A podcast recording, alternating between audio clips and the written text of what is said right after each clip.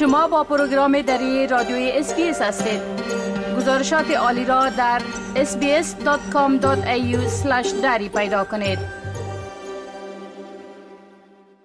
شنونده های عزیز افزایش دوباره موارد ابتلا به ویروس کرونا نگرانی های فراوان را به بار آورده و همچنان سیستم صحت عامه استرالیا را تحت فشار زیاد قرار داده. همکار ما سامنوری در این مورد معلومات فراهم کرده که او را آل با ما و شما شریک می سازن. آقای انوری سلام عرض بکنم خب اولتر از همه اگر بگوین که وضعیت ابتلا به ویروس کرونا در ایش و روز از چی قرار است و در میزان ابتلا چی افزایش به عمل آمده آیا انوز هم رو به افزایش است؟ با سلام به شما و شنوندگان عزیز.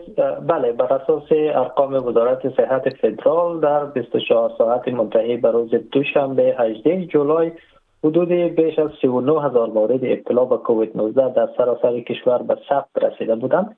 در حال حاضر بیشتر از 5 هزار بیمار کرونا در شفاخانه های سراسر کشور بستری هستند و 155 نفر آنها تحت مراقبت شدید قرار دارند. این در حال است که یک هفته پیش در تاریخ 11 جولای حدود بیش از 32 هزار مورد ابتلا به کووید 19 در سراسر کشور به ثبت رسیده بودند.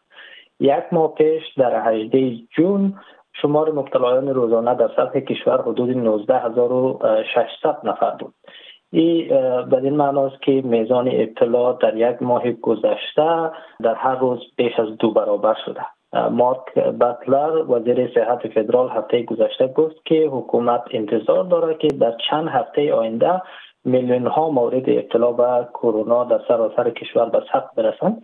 همچنین نخست وزیر انتونی البنیزی روزی شنبه بعد از دیدار با رهبران ایالت ها و قلمرو گفت که مطابق پیش بینی ها موج کنونی کرونا در کشور در ماه آگست به اوج خود خواهد رسید. تا اکنون که نزدیک به دو نیم سال از آغاز همگیری کرونا در استرالیا میگذره پیش از 8 میلیون و 802 هزار مورد ابتلا به این بیماری در کشور به ثبت رسیده و دست کم 10719 نفر هم بر اساس بر اثر این بیماری جان دادند استرالیا در جریان موج تابستانی کرونا در 14 ماه جنوری سال جاری 155370 مورد اطلاع به کرونا را در یک شبانه روز ثبت کرده بود که کارشناسان البته گمان نمی کنند که رکورد 14 جنوری توسط موج کرونی شکسته شود. بله. خب می‌تونین بگوین که کارزار واکسیناسیون در استرالیا در چی وضعیت قرار دارن؟ بله همانطوری که شما هم می‌دانید با افزایش نگرانی ها نسبت به تازه کرونا در استرالیا که همزمان با فصل آنفلوئنزا یا سرماخوردگی واقع شده حکومت استرالیا از 11 جولای دوز چهارم واکسن کرونا را برای تمامی استرالیایی های بالای سی سال قابل دسترس ساخت. بنابراین اکنون تمام افرادی که سی ساله یا بالاتر از آن هستند می‌تونند که با مراجعه به مراکز واکسیناسیون دوز چهارم واکسن کرونا را هم دریافت کنند. بر اساس تازه ترین آمار دولتی تا اکنون حدود 14 میلیون نفر در استرالیا سه یا بیشتر از سه دوز واکسن کرونا را دریافت کردند که معادل 70.9 درصد کل جمعیت واجد شرایط کشور میشه.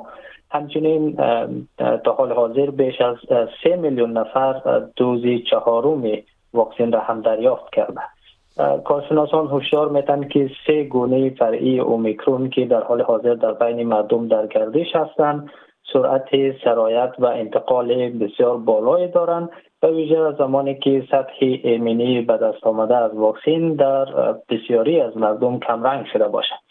این کارشناسان میگه که واکسن کووید 19 ممکن است که از ابتلا به ویروس جلوگیری نکنه اما از شدت بیماری میکاهه و به این دلیل مردم را تشویق می‌کنن که با زدن دوز چهارم سطح ایمنی خود را در برابر ویروس بالا ببرند. بله خب می‌تونین بگوین که حکومت به خاطر رسیدگی به افزایش موارد ابتلا به کرونا و همچنان به خاطر مجادله با ای افزایش چی تدابیر دیگه را روی دست گرفته؟ روز شنبه 16 جولای نخست وزیر البنیزی در پی دیدار با همتایان ایالتی خود در کابینه ملی اعلام کرد که برنامه پرداختی مرخصی همگیری یا همان pandemic leave پیمنت را حداقل تا سی سپتامبر دوباره فعال می کند. این پرداختی البته برای کسانی است که به دلیل کرونا باید خود را قرنطینه کنند اما از طرف کارفرمایشان مستحق دریافت مرخصی مریضی همراه با معاش نیستند این برنامه که هزینهش بین یک جولای تا سی سپتامبر بالغ بر 780 میلیون دلار پیش بینی شده به صورت 50 50 از طرف حکومت فدرال و حکومت های ایالتی تمویل میشه. نخست وزیر همچنین اعلام کرد که حکومت برخی ملاقات های تلفنی با دکتر عمومی را هم به طور موقت به مدیکر یا کارت درمان اضافه کرده که تا آخر ماه اکتبر پابرجا میمانه و دکتران عمومی اجازه دارند که از طریق ای اقدام تازه به بیمارانی که کرونا دارند داروی ضد ویروس تجویز کنند گفته میشه که روی تدابیر دیگری از قبل اجباری سازی ماسک و تمدید برنامه توزیع رایگان بسته های آزمایش سریع کووید 19 هم بحث صورت گرفته اما حکومت تا اکنون این موضوع را برنامه خود را در قبال این موضوع تایید نکرده. نخست وزیر البنزی گفت که او و رهبران ایالتی در کابینه ملی بر روی اتخاذ یک رویکرد ملی منسجم نسبت به اقدامات صحی توافق کردند کابینه ملی همچنین از استرالیایی ها خواسته که در اماکن عمومی سرپوشیده ماسک بپوشند. مسائل بهداشتی را رعایت کنند و در صورت بروز علایم از تماس با افراد دیگر خودداری کنند و همچنین خود را آزمایش کنند خب بسیار تشکر آقای انوری از این معلوماتتان و فعلا شما را به خدا می سپارم و روز خوش برتان آرزو می کنم تشکر از شما. خدا نگهدار. بپسندید شریک سازید و نظر دهید. اسپیس دری را در فیسبوک تعقیب کنید.